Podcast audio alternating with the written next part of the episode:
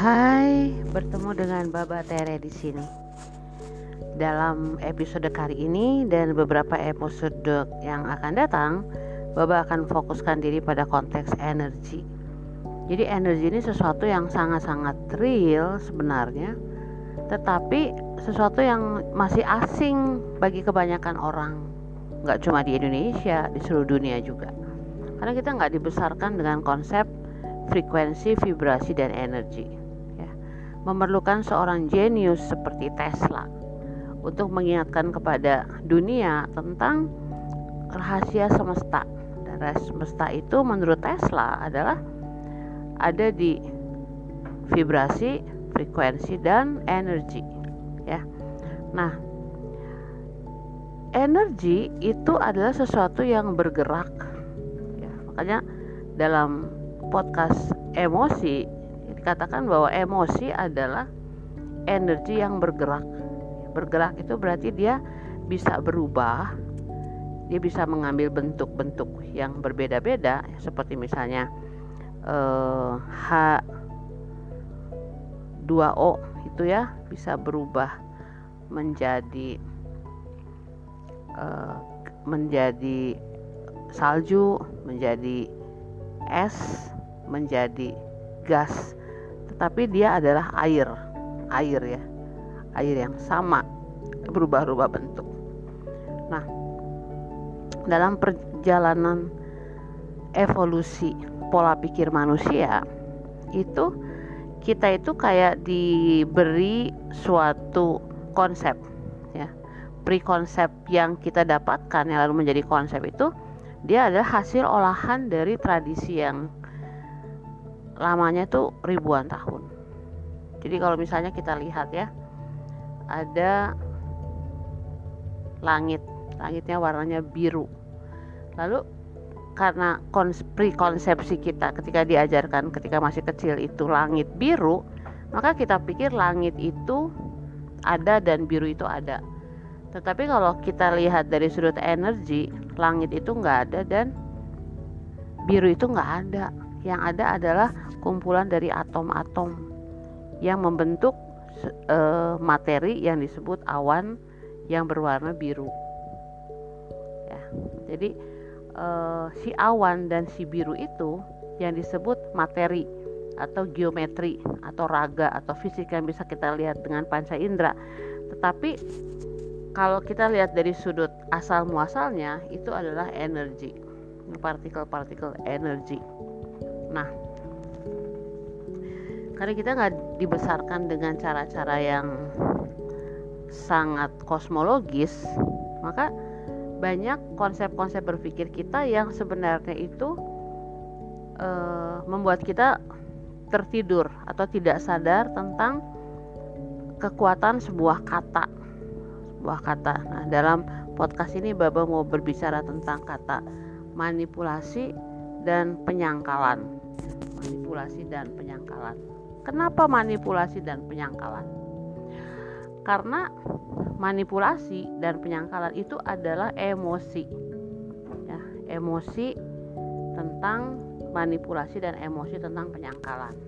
Nah, kedua-duanya itu bersifat sangat emosional karena dia itu berdasarkan suatu uh, kontrol yang mengendalikan kita.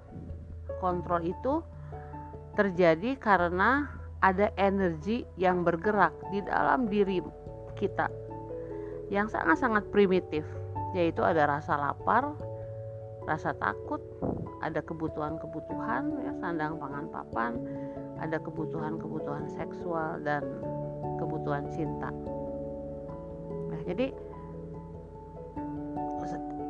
itu adalah emosi. Dia adalah bahan bakar yang merupakan sumber kreativitas dari setiap makhluk hidup. Setiap makhluk hidup itu punya emosi, dan dengan emosi itu dia menjadi kreator dari materi-materi yang dia bentuk. Ya, tetapi kalau kita kehilangan kontrol kita atas emosi kita, maka kita kehilangan kemampuan untuk terhubung dengan diri kita sendiri. Kebanyakan dari kita itu tidak mengenal apa yang disebut inner power, inner strength, nggak inner beauty, kita nggak dibesarkan dengan cara itu. Jadi kita tidak diajarkan bahwa di dalam diri kita ada suatu kekuatan yang merupakan kekuatan sang logos, merupakan kekuatan sang kreator, di mana kita benar bisa menjadi penulis cerita kisah hidup kita sendiri. Kita diajarkannya untuk mengambil cerita hidup orang lain lalu dianggap itu sebagai suatu kebenaran. Maka pada saat yang bersamaan emosi kita menjadi berhenti, jadi stuck. Ya. Jadi energi yang harusnya mengalir itu akhirnya menjadi energi yang stuck. Karena apa? Karena secara tidak sadar dan di organisasi secara sangat sistematis itu kita menyerahkan kita punya inner power ke kekuatan-kekuatan yang ada di luar diri kita. Kita berhenti menjadi seorang kreator, kita berhenti menjadi seorang yang kreatif dan kita menjadi robot dalam konteks matrix ya kita menyerahkan kekuatan energi yaitu inner power kita ke otomatisme kelompok atau grup atau negara atau suku atau apa pun itu institusi apa pun itu. Nah di satu sisi itu sebenarnya menyenangkan sih karena kita tidak bertanggung jawab atas diri kita sendiri. Kita teh menyerahkan kebahagiaan kita kepada orang lain kepada pasangan kita kepada keluarga kita kepada suku kita kepada komunitas kita, kepada suku bangsa kita, bahkan kepada kebudayaan kita, ya. Dan kita tidak menjadi bos bagi diri kita sendiri. Jadi tetapi pada satu titik kita ingin mengambil alih kembali inner power kita, inner control kita dengan mengatakan bahwa saya ingin menciptakan hidup menurut versi saya. Ya. Jadi kata jadi kita mau bicara soal manipulasi ya. Sekarang kita mau bicara soal manipulasi ya. Tadi kan emosi sekarang manipulasi. Nah, manipulasi itu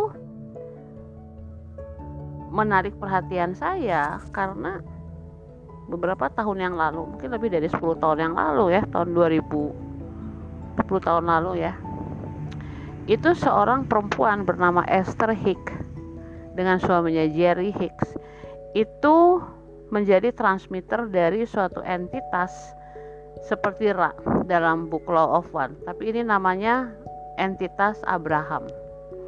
Nah Abraham ini masuk dalam diri Esther lalu dia mengajarkan banyak hal yang kita tidak ketahui karena data transmitternya nggak ada. Ya kalau law of one-nya Aemra itu lebih menggambarkan tentang e, relasi antara kosmos dan kosmik antara dimensi dimensi yang ada di semesta ini dan apa yang harus kita lakukan untuk hal tersebut. Tetapi Abraham Hicks Anda boleh lihat di YouTube-nya ya banyak sekali. Itu lebih mengajarkan bagaimana kita menjadi kreator bagi diri kita sendiri. Nah, Abraham Hicks ini pertama kali muncul secara internasional di bukunya Rhonda Byrne yang berjudul Secret versi pertama. Lalu pada versi keduanya dia nggak dipakai lagi karena ajaran dia itu bertentangan dengan apa yang dikatakan oleh para penerbit. Ajaran dia adalah bahwa kita adalah sang logos. Kita adalah kreator. Tentu saja ini ditolak ya. 12 tahun ini ditolak banget karena uh, kita belum transformasi dan kita masih ada di era yang lama. Tapi setelah masuk era baru era Aquarius ini, orang mulai berani, Abraham Hicks mulai berani ngomong ke ribuan orang di Amerika Serikat ya. Nah, dia mengatakan bahwa rahasia dari keberhasilan seseorang untuk menjadi pencipta bagi kehidupannya sendiri adalah bahwa dia adalah co-creator dari sang pencipta dia partner sang pencipta. Nah, lalu di salah satu episodenya dia mengatakan bahwa kita harus belajar memanipulasi energi. Ini sesuatu yang membuat saya kaget banget. Karena kata manipulasi itu buat saya mempunyai konotasi negatif. Dalam pengertian saya, manipulasi adalah kita mengontrol keadaan atau seseorang supaya kita mendapatkan apa yang kita inginkan. Dan saya pernah dituduh oleh salah satu relasi karmik saya. Itu ketika dia mengatakan bahwa saya orang yang sangat manipulatif.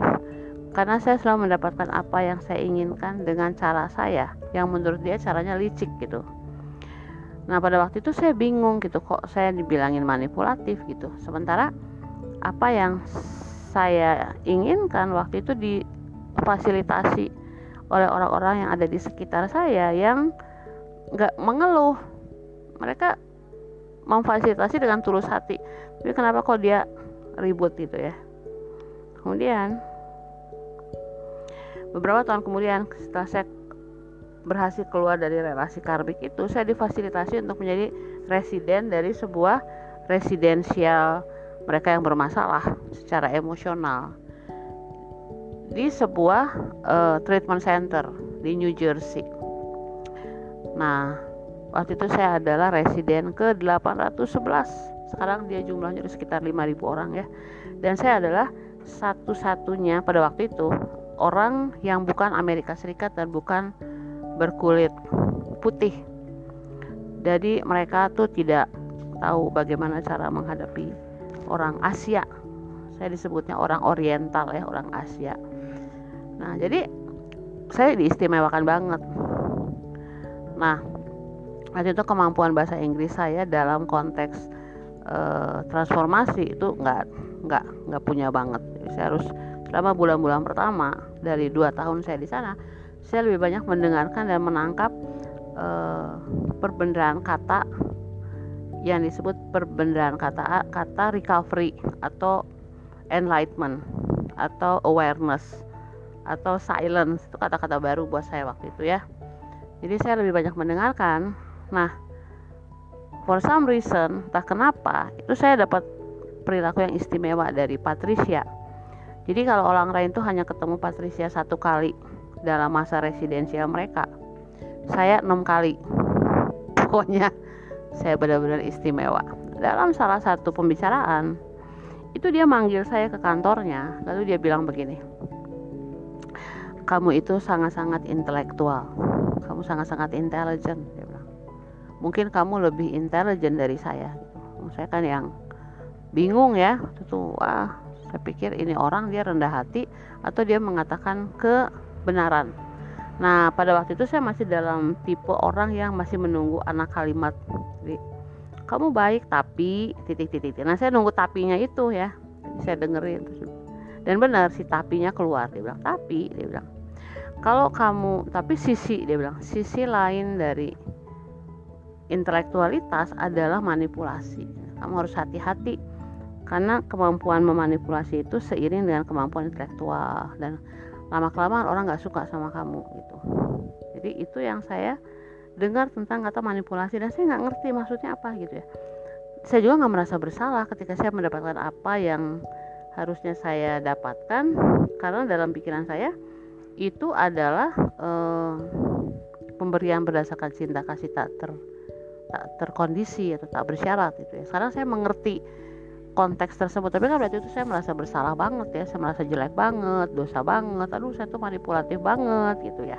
Sekarang kita mau belajar tentang kata manipulasi secara yang benarnya ya. Jadi manipulasi itu kalau lihat di Google arti dari manipulasi itu adalah dari kata bahasa Latin. Bahasa Latin itu artinya manus ya. Manipulasi dari kata manus yang dalam bahasa Inggris itu diterjemahkan menjadi tangan.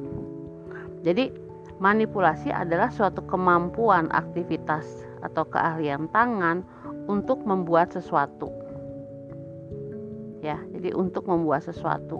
Jadi dalam bahasa Inggris manipulasi itu e, sinonimnya adalah handle, menghandle. Kita sering dengar kata menghandle ya.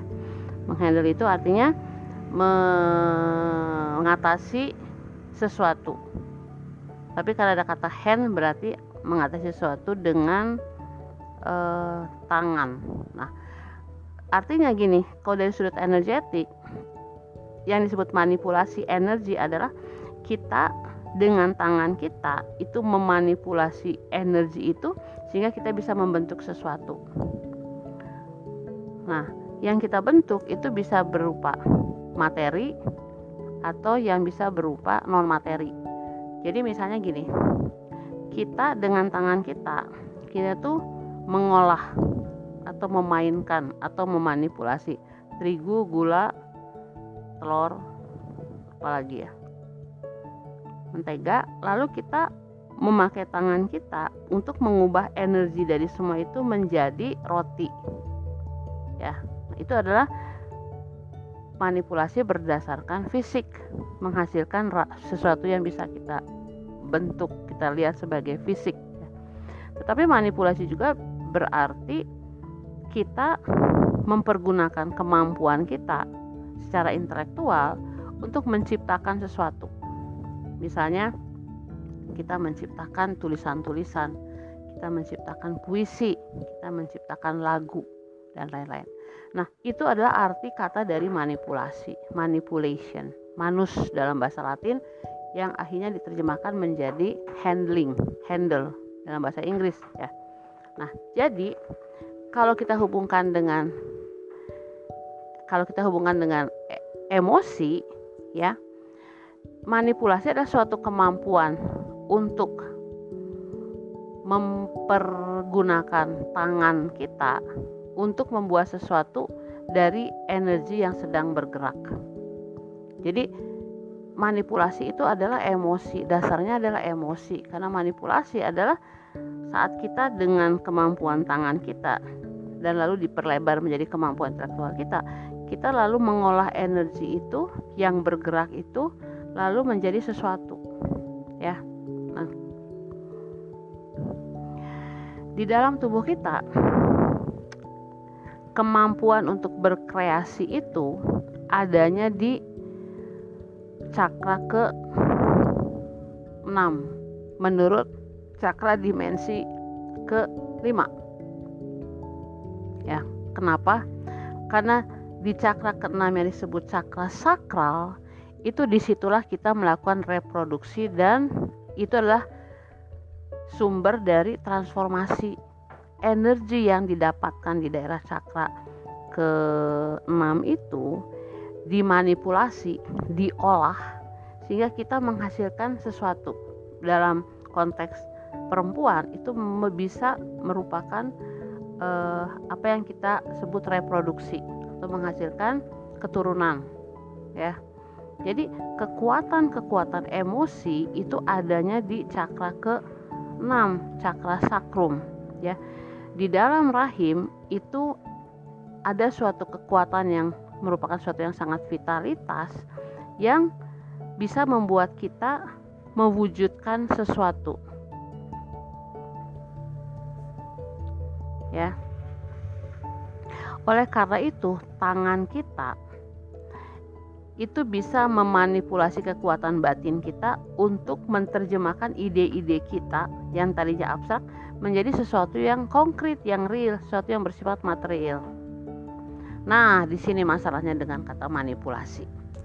Jadi, seperti yang tadi saya katakan di awal podcast ini, kita dibesarkan dengan prekonsepsi-prekonsepsi. Konsep itu dalam bahasa uh, Inggris itu artinya mengandung atau melahirkan ya. Nah, jadi dalam konteks prekonsepsi kita itu dikasih konsep-konsep yang harus diterima oleh kita tanpa kemampuan untuk menganalisa ketika kita masih kecil. Ya istilahnya ada seorang guru dia mengunyah apelnya setelah dia kunyah apelnya dia kasih ke kita. Bilang nih makan apel ini apel ini enak dan kita biasanya langsung makan apel itu karena kita nggak punya uh, pilihan atau kita tidak tahu bahwa kita punya pilihan kita makan semua hasil-hasil spiritualitas yang dikelola oleh mereka yang kita sebut sebagai orang-orang uh, yang dipilih oleh Tuhan sekarang kita tahu bahwa kita semua dipilih oleh Tuhan Tuhan nggak Tuhan nggak membeda-bedakan siapa pun juga ya semua orang dikasih energi, frekuensi, vibrasi. Tinggal bagaimana caranya kita mengolahnya atau memanipulasinya. Maka dalam perjalanan hidup itu si kekuatan energi yang ada dalam diri kita itu diambil oleh hal-hal yang ada di luar diri kita, entah itu keluarga, suku, tradisi, dan lain-lain, termasuk pendidikan. Sehingga si energi yang merupakan sumber kreativitas yang ada di dalam diri kita itu bukan milik kita lagi. Tetapi itu bukan sesuatu yang buruk ya.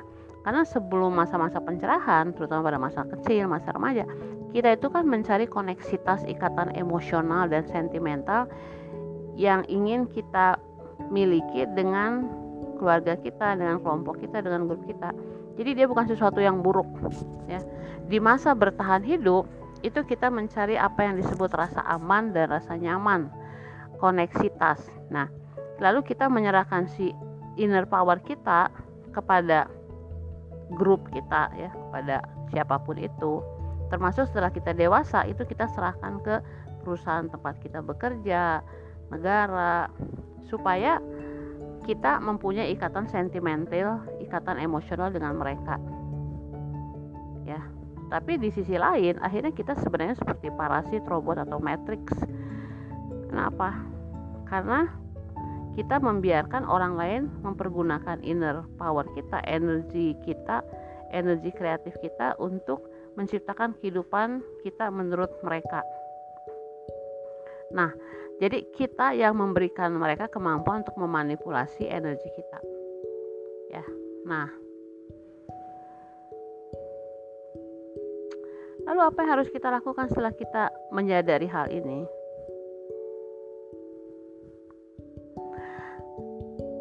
Yang pertama, jangan menghakimi diri sendiri.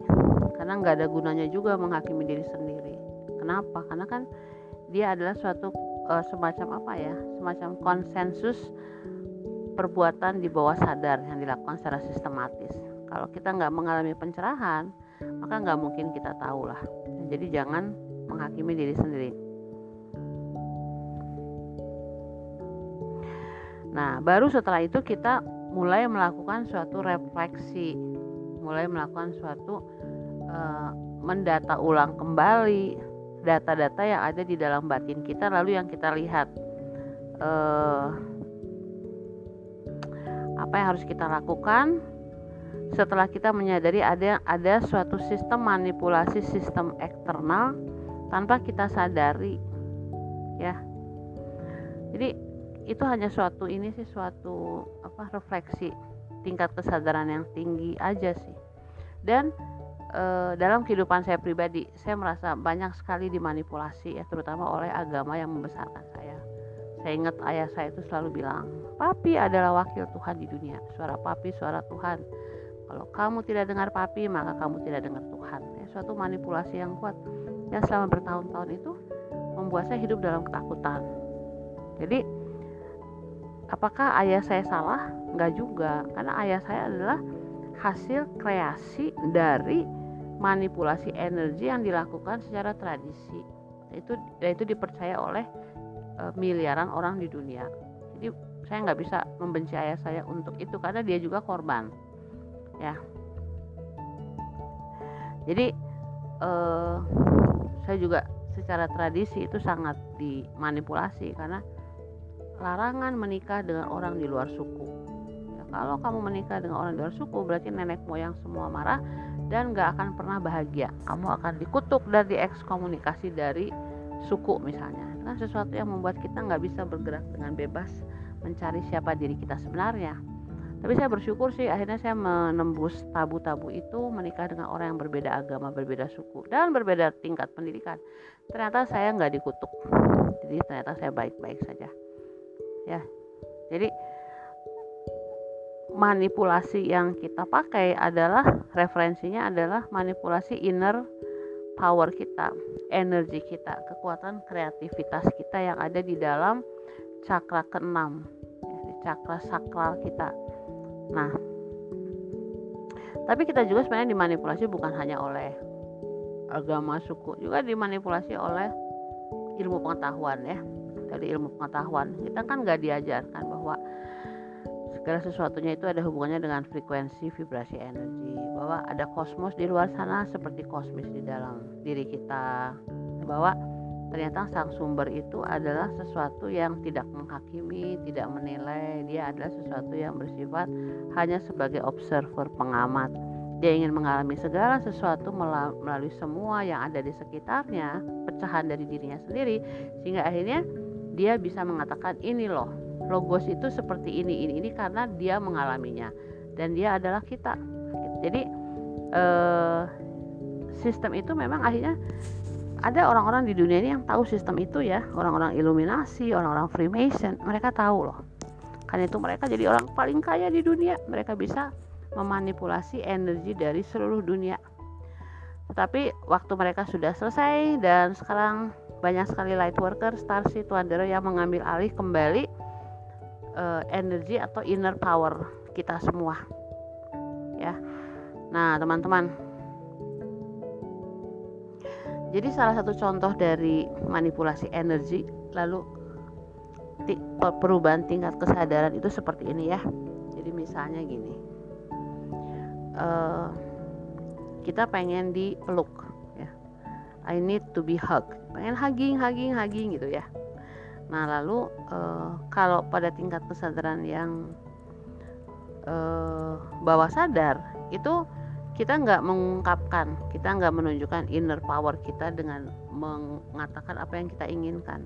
Tapi kita memberikan semacam uh, tanda bahwa kita pengen dipeluk gitu ya. Misalnya kita senyum-senyum gitu nggak jelas terus uh, gestur yang kayaknya pengen dipeluk. Nah tapi orang yang ingin kita apa ya supaya dia tahu kalau kita pengen pelukan dia tuh kadang-kadang nggak ngerti. Jadi kita memberikan inner power kita kepada orang itu untuk menentukan apakah dia ngerti apa enggak tanda-tanda yang kita berikan secara fisik gitu. Nah, kalau kita naik pada tingkat kesadaran yang berikutnya, itu kita bilang sama dia, kita bilang, oh, peluk dong, gitu, atau hugging dong, gitu. Tetapi kita masih memberikan sebagian dari inner power kita atau energi kreatif kita kepada orang itu, karena belum tentu orang itu mau. Gitu.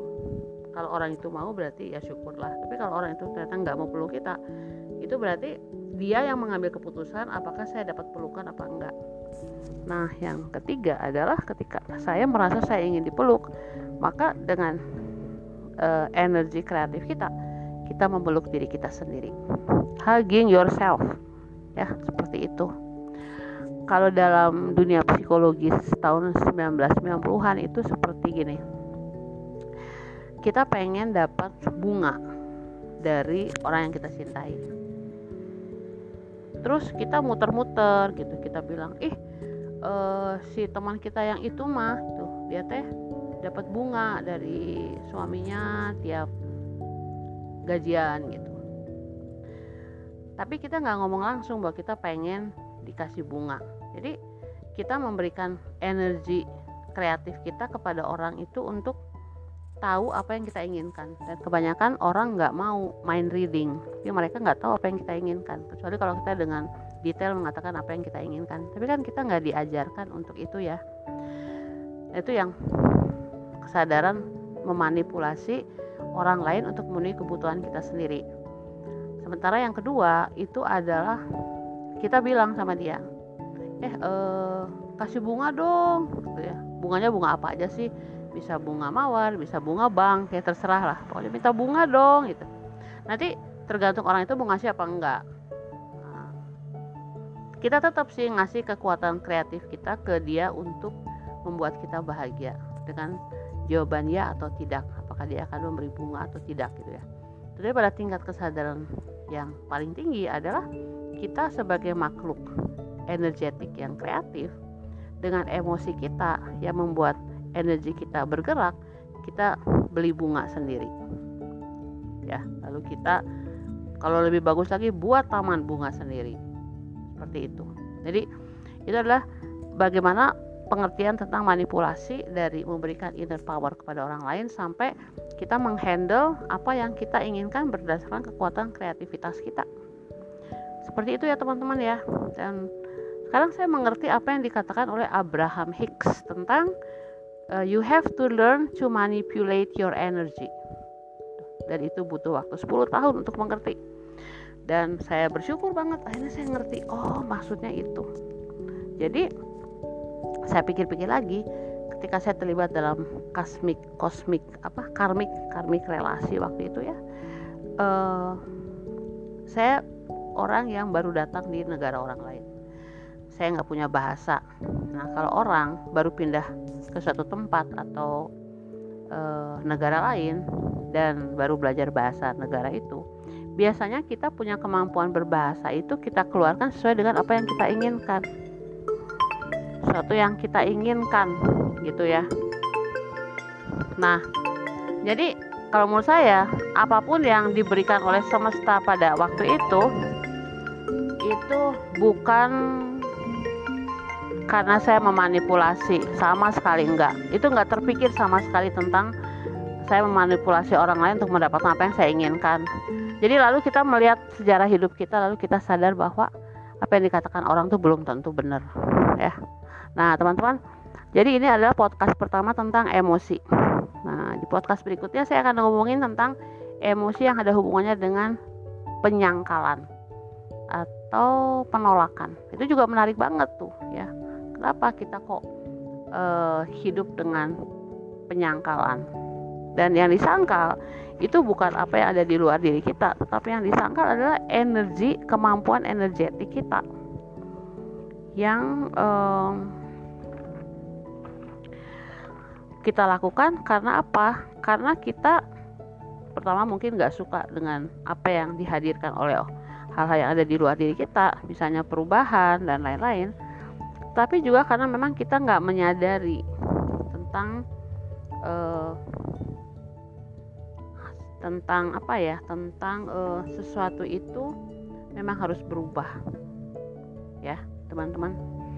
Jadi penyangkalan itu energi itu emosi yang paling salah satu energi yang paling paling kuat. Dan dalam kehidupan itu kita banyak sekali melakukan penyangkalan. Mengapa? Karena kalau kita tidak melakukan penyangkalan maka apa yang sudah stabil sudah aman sudah nyaman sudah balance dalam hidup kita kan harus berubah. Nah kebanyakan kita nggak suka nggak suka banget untuk berubah ya.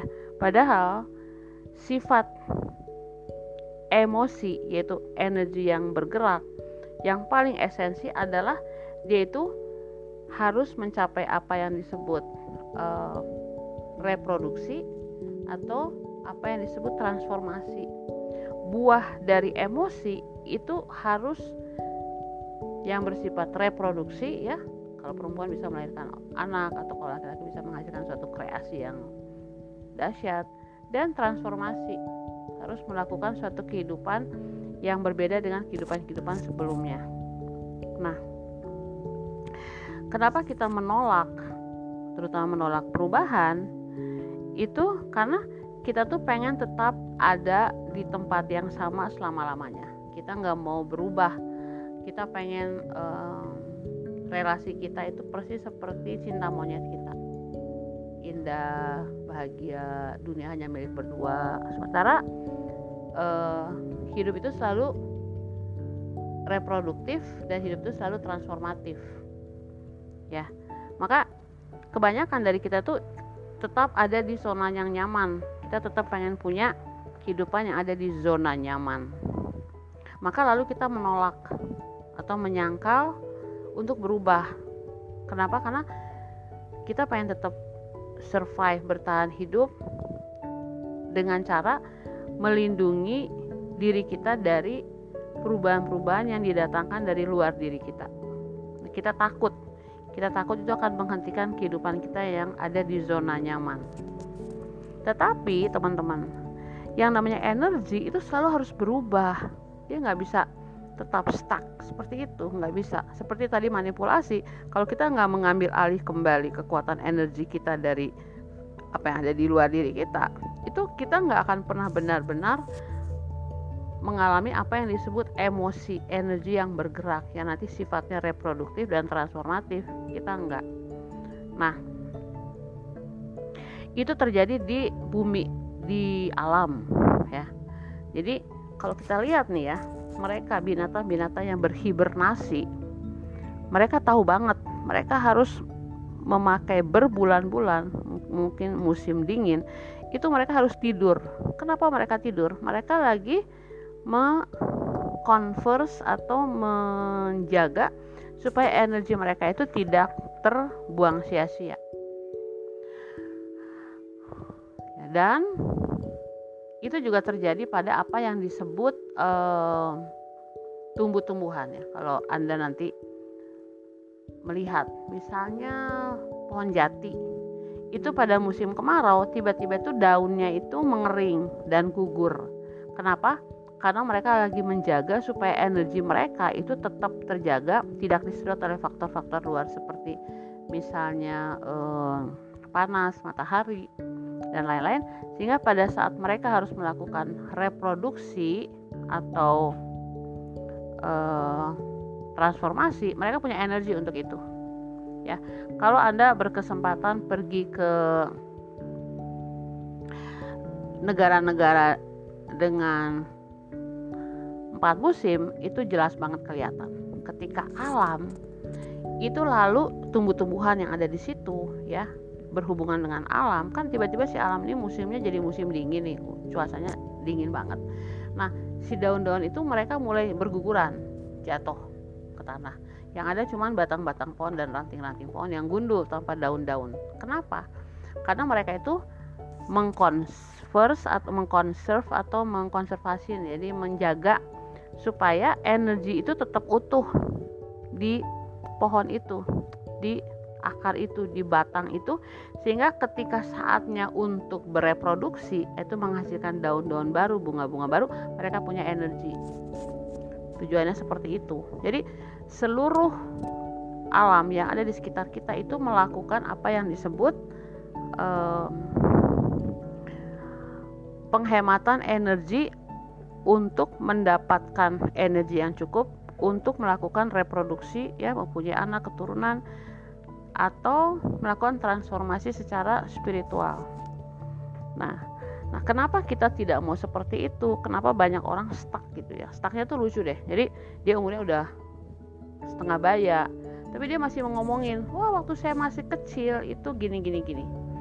Selalu hidup di e, tingkat kesadaran yang rendah, selalu hidup di masa lalu, nggak mau berubah gitu. Wah waktu saya kecil tuh hidup lebih enak gitu ya. Nggak ada internet. Jadi eh, nggak ada masalah sama orang tua tentang internet. Mereka lupa kalau mereka juga mengalami kesulitan ngontrol anak-anak karena anak-anak nggak mau pulang ke rumah main di luar terus sementara sekarang anak-anak main game di rumah terus nggak mau keluar-keluar gitu ya. Ada perubahan dalam kehidupan. Nah kita hanya harus menyadari apakah ada di dalam diri kita suatu penolakan atau penyangkalan bahwa kita harus berubah ya. Kita harus berubah kita harus bertransformasi bahwa ada fase menjadi kepompong tetapi ada juga fase menjadi ulat dan akhirnya menjadi kupu-kupu ya. Nah itu adalah sesuatu yang sangat-sangat mengagumkan.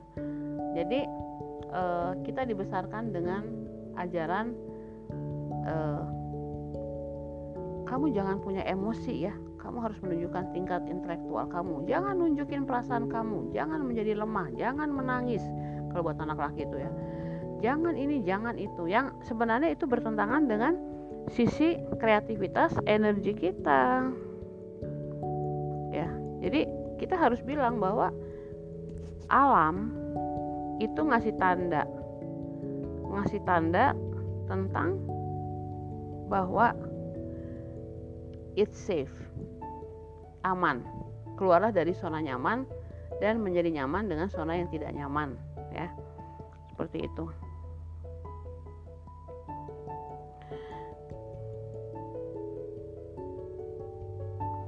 jadi akhirnya dalam perjalanan transformasi itu kita tuh seperti kepompong ya. Kepompong juga nggak ngapa-ngapain pada saat dia harus bertransformasi.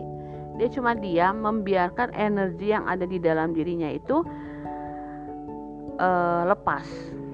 Dan perubahannya ada dari dalam diri bukan dari luar diri perubahannya ya. Jadi teman-teman, hari ini kita belajar tentang evolusi pola pikir manusia. Evolusi pola pikir itu bahwa kita semua dibesarkan dengan apa yang disebut pre-konsep pre-konsep. Itu kita dulu anggap sebagai suatu kebenaran. Apa itu benar gitu. Oh, jadi kalau yang disebut manipulasi adalah ketika orang itu memaksakan kehendaknya supaya kita mengikuti apa yang orang itu inginkan dia nggak salah akhirnya karena dia mempergunakan energi kreatif yang ada pada diri dia untuk memaksakan kehendaknya kepada orang lain. Maka yang jadi masalah adalah orang lain itu kenapa dia mau memberikan energi kekuatannya pada orang lain sehingga dia menjadi korban gitu ya. Jadi kita harus menambah anak kalimat dari kata definisi manipulasi. Kita bisa uh, menghandle energi kita untuk menciptakan sesuatu yang kreatif tapi dia harus berasal dari dalam diri kita. Dan kita berhenti memberikan kekuatan kita kepada orang lain. Kita berhenti memberikan energi kita supaya orang lain yang menghandle uh, energi kita stop untuk itu. Ya kemudian kita juga diajarkan untuk nggak boleh uh, ber berubah. Jagalah uh, kesatuan keluarga komunitas, bangsa, suku apa pun itu dengan menjadi loyal. Tetapi kalau kita loyal dan loyal itu adalah kekuatan di luar diri kita, maka kita tidak akan pernah benar mengetahui kekuatan di dalam diri kita. Ya. Intinya bahwa kita jangan membuang-buang energi kreatif kita. Kita butuh bertransformasi. Uh, terus kalau saatnya kita harus bereproduksi ya entah itu melahirkan anak atau entah itu menghasilkan suatu kreasi ya bisa makanan bisa tulisan bisa lagu bisa puisi bisa membangun suatu komunitas maka saatnya untuk keluar dari zona nyaman supaya emosinya energi yang bergerak itu terus bergerak jangan stuck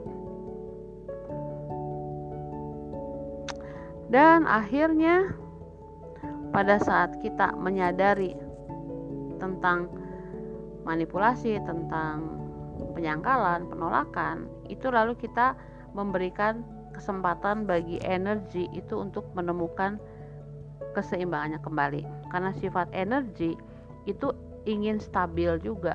Karena kalau energi itu stabil, atom-atom itu stabil, itu mereka bisa berekspansi.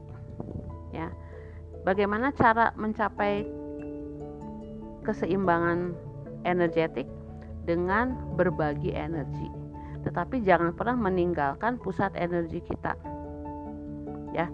Jadi kita harus memang betul harus tetap mempunyai stabilitas supaya kita bisa mendatangkan energi-energi baru. Tapi tidak pernah memberikan kekuatan kreatif energetik kita ke hal-hal yang ada di luar diri kita. Begitu teman-teman. Ya, sampai sini dulu podcastnya. Saya lagi mau buat chat apa videonya, cuman belum sempat. Uh, terima kasih banyak karena sudah menjadi bagian dari reproduksi dan transformasi energetik.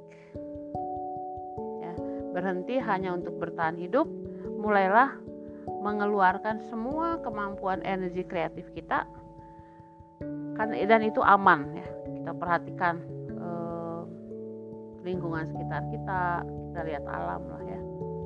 Kita perhatikan pohon pohon-pohon yang ada di depan rumah kita atau di taman-taman itu ada satu momen itu banyak sekali yang menggugurkan daunnya bahkan ranting-rantingnya jatuh ke tanah Kenapa? Karena secara energetik mereka harus memberikan uh, ruang untuk energi baru tumbuh dan berubah dan berkembang.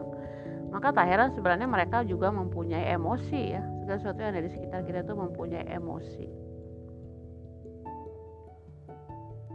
Dan memang yang namanya energi itu sifatnya adalah evolusi jadi sifatnya itu evolusi ya. Evolusi itu dari bahasa Latin. lalu dari bahasa Latin ya bapaknya ilmu pengetahuan bahasanya ilmu pengetahuan dia itu dari kata e artinya x artinya keluar out dan follower artinya berputar evolusi itu dari kata e artinya keluar dan volve artinya berputar. Jadi konsep evolusi adalah dia berputar.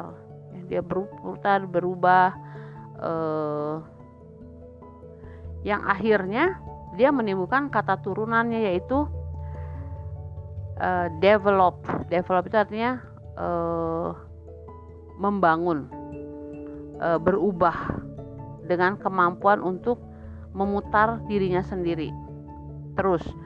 Dan dia ber, berubah itu melalui space. Dan kita sekarang tahu kalau space itu adalah nama lain dari vibrasi.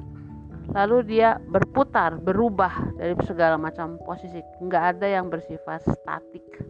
Maka kita juga harus bersifat dinamis ya. Kita harus punya kemampuan untuk uh, in tune atau menyelaraskan diri dengan perubahan-perubahan yang ada di lingkungan kita.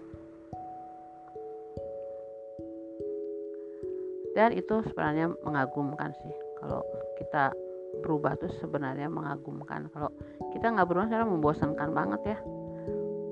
Seperti itu. Oke sampai sini dulu. Teman-teman jangan lupa coherent jangan lupa harmonis. Salam harmonis. thank you